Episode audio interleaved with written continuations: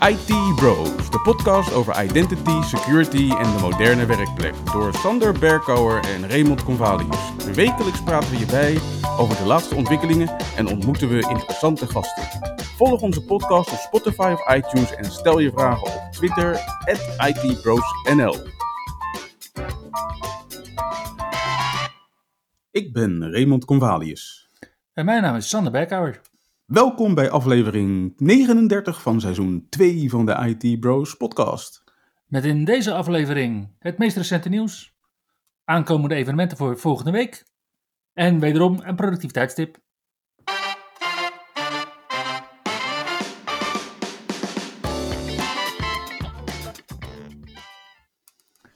Laat me raden, er is Windows 11 nieuws?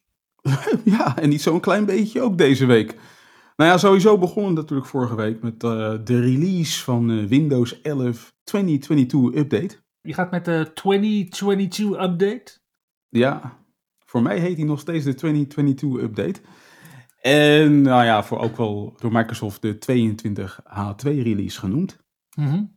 Toch nog. Ja, je ziet het toch in, in sommige documentatie toch weer 22H2 zijn. Ja, precies. Het is, uh, men men uh, zwemt een beetje tussen de marketing en de technische naam, lijkt het. Je zou bijna denken dat er nooit iets verandert binnen Microsoft. ja, ja, ja. Nee, maar goed, uh, die update die kwam dus niet zonder de nodige issues. Bleek wel. Mm -hmm. Onder andere bleek er een, een foutje te zitten in de out-of-the-box experience. Vroeger noemden we dat de goede blauwe schermen. Precies. Ja, nu is ook, nu is ook dat wit en grijs. Ja, maar er zat een uh, localization issue in, waardoor uh, ja, het uh, soms misging met het installeren van niet-Engelse talen van Windows. En er was ook nog een probleempje met Nvidia, die gedwongen werden om een, wat heet, een emergency update uit te brengen voor de GeForce Experience. Want met name de gamers onder ons ondervonden problemen met lage framerates en stotterend beeld bij hun games. Dat had niks met hun specifieke hardware te maken. Dat had je ook op een RTX 3080 of zo bijvoorbeeld. Ja, ja, bleek een probleem te zijn omdat Nvidia geen rekening had gehouden met de nieuwe graphic debugging tools. En ze hebben het nu gefixt in de GeForce Experience GFE Beta Update versie 3.26. Als je het heel snel wil fixen. En anders moet je even wachten en dan krijg je binnenkort de officiële update.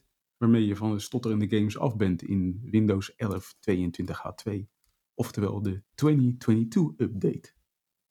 Alright. En daarmee hadden we nog niet eens al het nieuws, want met die 2022 update kwam er ook een nieuwe security baseline uit voor Windows 11. En die kwam op dezelfde dag uit als die 2022 updates op 20 september. En daar zitten wel een aantal leuke nieuwe features in, onder andere als je beschikt over een Intel Tiger Lake of nieuwere CPU of een AMD Zen 3 of nieuwer, mm -hmm. dan wordt kernel mode hardware en voor stack protection aangezet. Dat is wel afhankelijk van uh, wat heet uh, virtualization based security. Yep, VBS. Yes. Daarnaast wordt uh, enhanced phishing protection ingeschakeld en dat is een hele fijne, want als je bent ingelogd met username en password op Windows, dan detecteert mm -hmm. Windows wanneer jij op een ongebruikelijke plek je wachtwoord ergens achter begint te laten. En dan word je gewaarschuwd van misschien is het niet zo handig om hier je wachtwoord uh, neer te zetten. Dus dan wordt eigenlijk voorkomen dat je op verkeerde plekken je wachtwoord in gaat vullen. Maar ja, als je Windows al voor business gebruikt, dan zou je dat sowieso nooit hoeven doen. Toch? Nee, maar dan staat Enhanced Phishing Protection ook niet aan, schijnt het. Ah, heel goed. Nou, voor de rest zit er uh, nog iets in dat heet de Redirection Guard. En volgens mij is dat een feature die een reactie is op uh, een veelbesproken onderwerp van het afgelopen jaar, namelijk Print Nightmare. En uh, ja, voor de rest een aantal andere leuke dingen die toch wel duidelijk bijdragen aan de security. Zo staat bijvoorbeeld de DNS hardening staat nu standaard aan, dus uh, uh, DNS over HTTPS. Oh. Ver, verder wordt NetBIOS Name Resolution wordt disabled op publieke netwerken. Mm -hmm. Credential Theft Protection, dus bescherming tegen ja, uh, mimikats en dat soort dingen staat default aan, maar volgens mij was dat al zo. En verder uh, is er een nieuwe block rule in de Attack Surface Reduction. En die beschermt tegen vulnerable signed drivers. Uh, Dat is ook wel een vrij nieuw verschijnsel dat dus drivers die besmet zijn met malware tegenwoordig ook gesigned kunnen zijn. En daar was Windows uh, niet op voorbereid en dus nu wel.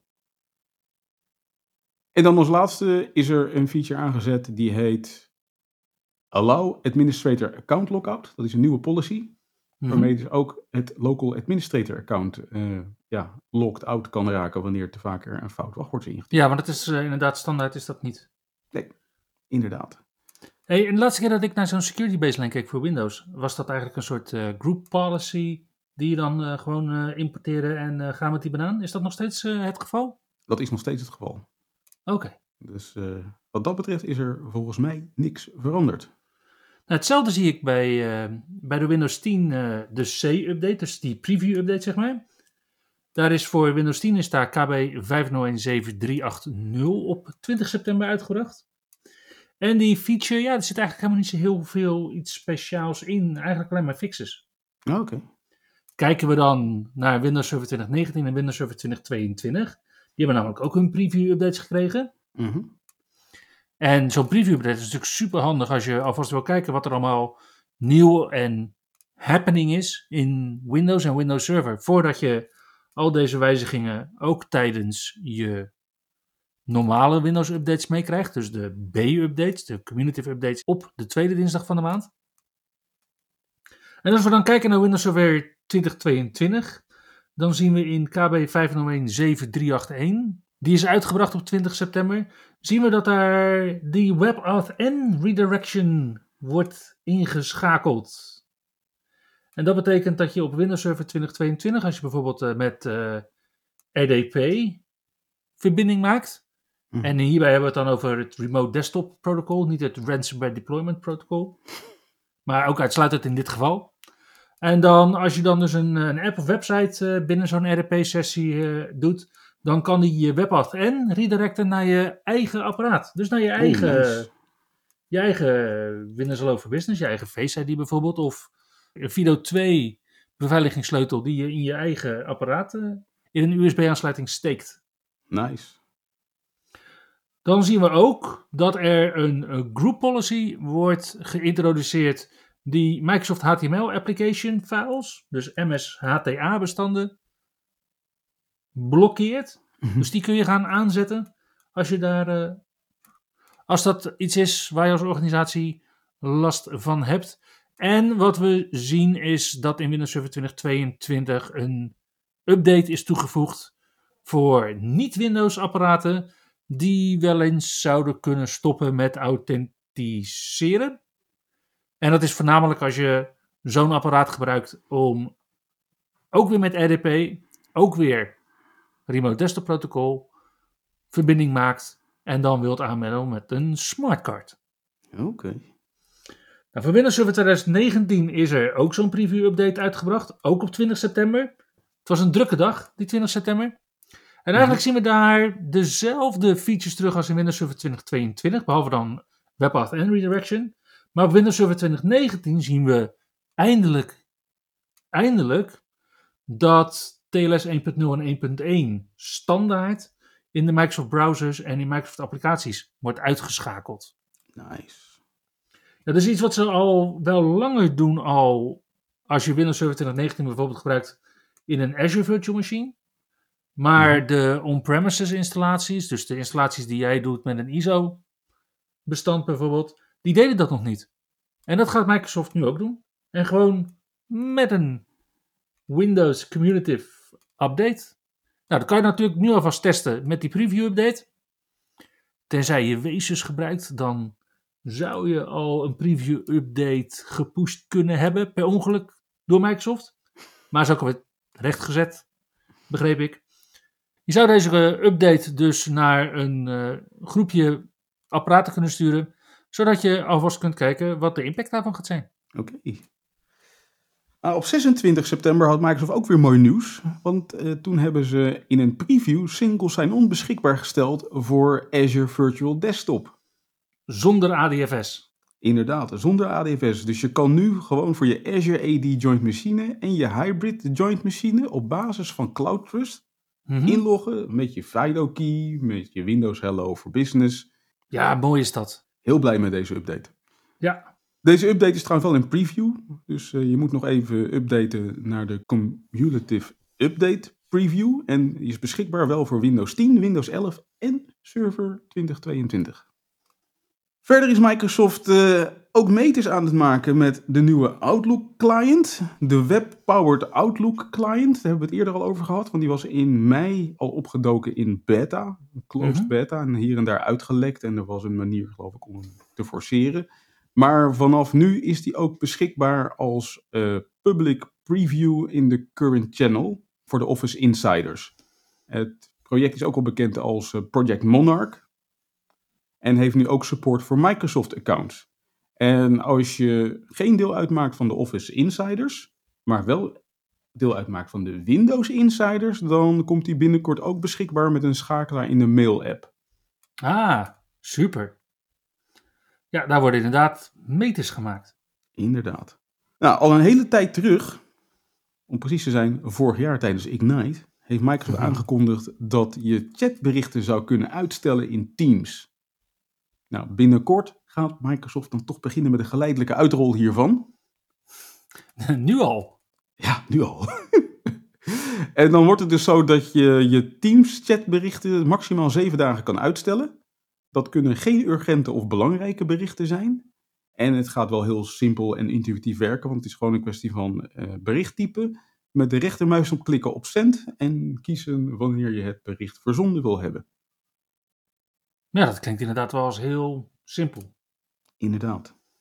Nou ja, wat ik zelf ook heel simpel vond en waar ik ook eh, intensief gebruik van maak, eigenlijk tot nu toe, dat is SwiftKey. Ja, ja, ik ook. op mijn iPhone. En van de week kwam toch wel het eh, droevige nieuws dat Microsoft gaat stoppen met SwiftKey op iOS. De reden is nog niet aangegeven door Microsoft, maar er wordt alom gespeculeerd dat dit komt omdat Apple de eisen voor toetsenborden gaat aanscherpen. En eigenlijk vind ik het SwiftKey toetsenbord van Microsoft ja, het enige toetsenbord wat ik echt lekker vind werken. Ja, het is echt eh, far superieur aan wat Apple heeft aan het toetsenbord op Nou ja, iPhone. kijk, het, het was de eerste met, met predictive text. En tegenwoordig zie je dat ook inderdaad in het eh, ingebouwde iOS toetsenbord. Maar bijvoorbeeld de ondersteuning van meerdere talen en de automatische herkenning van de taal die je aan het typen bent. Ja, dat is. ja, dat, dat zit niet in het ingebouwde iOS toetsenbord. Nee, En als ik dan iets in het iOS toetsenbord ga typen en ik vergeet hem inderdaad naar SwiftKey te switchen, dan ja, dat is voor geen enkele persoon te volgen wat je dan aan het typen bent. nee, precies. En je kunt natuurlijk swipe typen. Maak ik ook intensief gebruik van. Werkt geweldig goed trouwens. Ja, ik, bij mij heeft dat nooit echt goed gewerkt. Maar voor mij is alleen al die ondersteuning van meerdere talen... is al de reden om bij dat SwiftKey toetsenbord te blijven.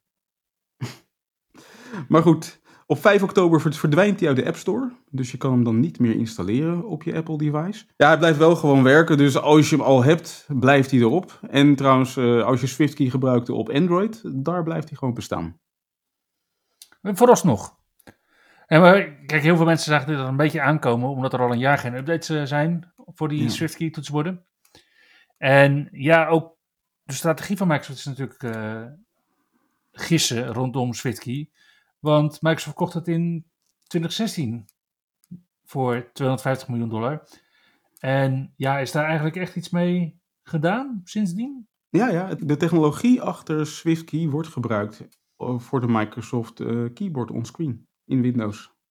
Ja, precies. Het onscreen toetsenbord wat ik inderdaad alleen maar eigenlijk gebruik op Surface Hubs. Precies, die. Die, die service die ik eigenlijk eh, standaard uitzet. Vooral op de servers. Want hardening. Ja, precies die. Oh. Juist die, ja. Precies. Ja, en heb je nou hardening toegepast en denk je dan, oh oh, ik heb iets eh, gedaan waardoor eh, nu al mijn mail niet eh, meer doorkomt. Wees gerust, dat ligt niet aan jou als je een, een Barracuda appliance hebt. Barracuda heeft een slechte anti-malware definitie uitgebracht op donderdag 29 september, zo rond de lunch, onze tijd. En die zorgt ervoor dat mail niet meer wordt doorgestuurd naar bijvoorbeeld de mailservice die erachter staan. Ja, dan heb je natuurlijk de standaard dooddoeners. eh, have you tried turning it off and on again? Nou, dat helpt allemaal niet. Maar inmiddels heeft Barracuda wel nieuwe anti-malware definities uitgebracht die het probleem oplossen. Ben jij nou zo'n organisatie waardoor jouw Barracuda appliance onwijs veel mail stroomt, dan kan het zijn dat het even duurt totdat al die queues weer leeg zijn. Nou, wat ik ook nog begreep was dat die update, die inmiddels beschikbaar is, dat die alleen kon worden geïnstalleerd na tussenkomst van de supportdesk van Barracuda. Dus, Ja, dat was de eerste paar uur inderdaad. ah, oké. Dat hebben ze inmiddels opgelost. Ja, ja, die update die is nu breed beschikbaar. Intel had afgelopen week ook nieuws. Die hadden het Intel Innovations Event en daar hebben ze een hoop nieuwe hardware aangekondigd, onder andere. De nieuwe 13e generatie Intel Core processoren werd daar aangekondigd. Die inmiddels ook alweer is aangekondigd voor allerlei leuke nieuwe hardware. En verder heeft Intel een nieuwe grafische kaart geïntroduceerd, de A770 Intel Arc GPU. Mhm. Die gaat eh, vanaf 12 oktober in de verkoop. En die moet eh, concurrentie worden voor de GeForce RTX 3060. Dus eh schijnt een redelijk interessante videokaart te worden. En die 3060 is inderdaad sowieso een hele fijne videokaart als je wil gamen op 1440p. Mhm. En daar lijkt deze videokaart inderdaad ook voor geoptimaliseerd te zijn. Dus ik ben benieuwd eh, wat dat gaat worden. En als laatste had eh, Intel ook nog een heel leuk nieuwtje in de zin van Intel Unison. En Intel Unison is ehm, eigenlijk de rebrand van Screenovate, een product dat Intel eind 2021 heeft gekocht. En Mhm. wat bedoeld is om integratie te creëren met iOS en Android. En ze gaan het beginnen te eh, installeren op hun eh, Intel Evo laptops binnenkort. Ja. En die moet het mogelijk maken om eh, telefoongesprekken te voeren, sms-berichten te sturen, foto's te transferen, data te transferen, etc. Tussen je PC en je iOS of Android device. En het schijnt dat Intel van plan is om dit breed beschikbaar te stellen voor andere OEM's en, eh, en OS-makers, dus ook Microsoft, om eh, Unison zeg maar de nieuwe standaard te maken voor interoperability tussen je PC en je mobiele telefoon. Cool. Hey, en die nieuwe generatie Intel Core processoren, dat wordt dan dus de dertiende generatie. Yes, En dat is een Amerikaans bedrijf die de 13 niet overslaat. inderdaad. Spannend. Gedurfd. Ja. Heel spannend.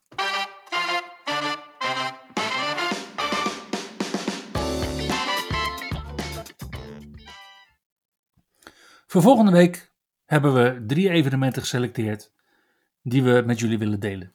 Het zijn twee gratis evenementen en een evenement waar we het al eerder over hebben gehad, waar helaas wel een prijskaartje aan hangt.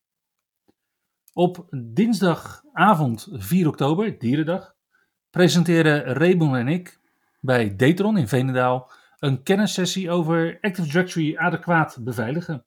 Dus ja, denk dan vooral aan het eh, tiered admin model bijvoorbeeld. Yes. En op donderdag 6 oktober is het dan tijd voor de eerste live versie sinds lange tijd van het D-Dog event, oftewel de Dutch DevOps en GitHub Community. Die hebben vanaf eh 6 uur 's avonds een eh, diner in eerste instantie bij Spirit. En vervolgens een aantal interessante sessies door eh, Daniel Paulus, Ben Raider en het evenement sluit af met gelegenheid tot networking. Ja, en voor dat evenement kun je fysiek aansluiten bij Xspirit in Hilversum. Yes.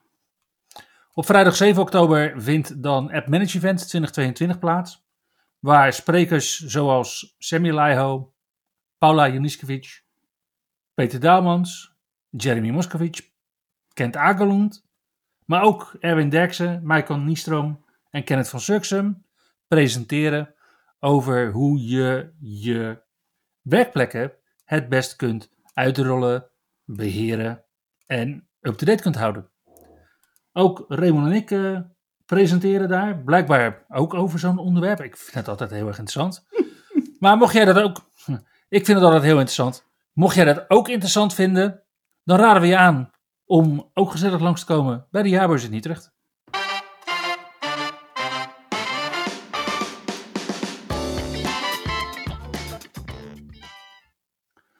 tot, tot, tot, tot, totterende videokaarten, Ray. Is dat zo? Ja, wat is, daar, uh, wat is daar aan te doen? Ja, David Weston, oftewel Dwizzle, op Twitter, die tipte ons van de week om toch vooral eens te kijken of je 144 hertz kan enablen voor je monitor. En ook als je geen gamer bent, wordt je beeldschermervaring daar een stuk soepeler van.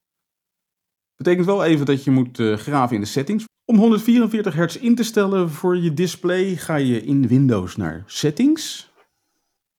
Vervolgens kies je voor System. Daarna voor Display. Vervolgens kan je kiezen voor Advanced Display Settings. Daar selecteer je je display en vervolgens kan je kiezen voor Choose Refresh Rate. En daar, als je hardware het ondersteunt, kan je kiezen voor een refresh rate van 144 Hz. Ja, of 120 MHz of 60 als die nog bijvoorbeeld op 30 staat. Ja. Nou ja, mijn huidige monitor, externe monitor in ieder geval, komt niet verder dan 30 Hz. Dus ik denk dat het tijd wordt om daar eens uh, een mooie vervanging voor uit te gaan kiezen. Nou, leuker kunnen ze het blijkbaar niet maken. Makkelijker, hmm, vast wel. Ray, jij geeft aan, dit is voor Windows. Dan kijk jij natuurlijk op Windows 11. Ja. Maar dit werkt ook op Windows 10, toch? Ja, ja, ja zeker. En volgens mij is de instructie dan precies hetzelfde. Wauw, dus dit is weer een lekkere brede productiviteitstip. Inderdaad. Als je op een lekkere up-to-date Windows zit, kan je dit gewoon lekker gebruiken met je lekkere up-to-date hardware. Precies. En daarmee komen we aan het einde van aflevering 39 van seizoen 2 van de IT Bros podcast. Dankjewel voor het luisteren en tot de volgende keer. Tot de volgende keer.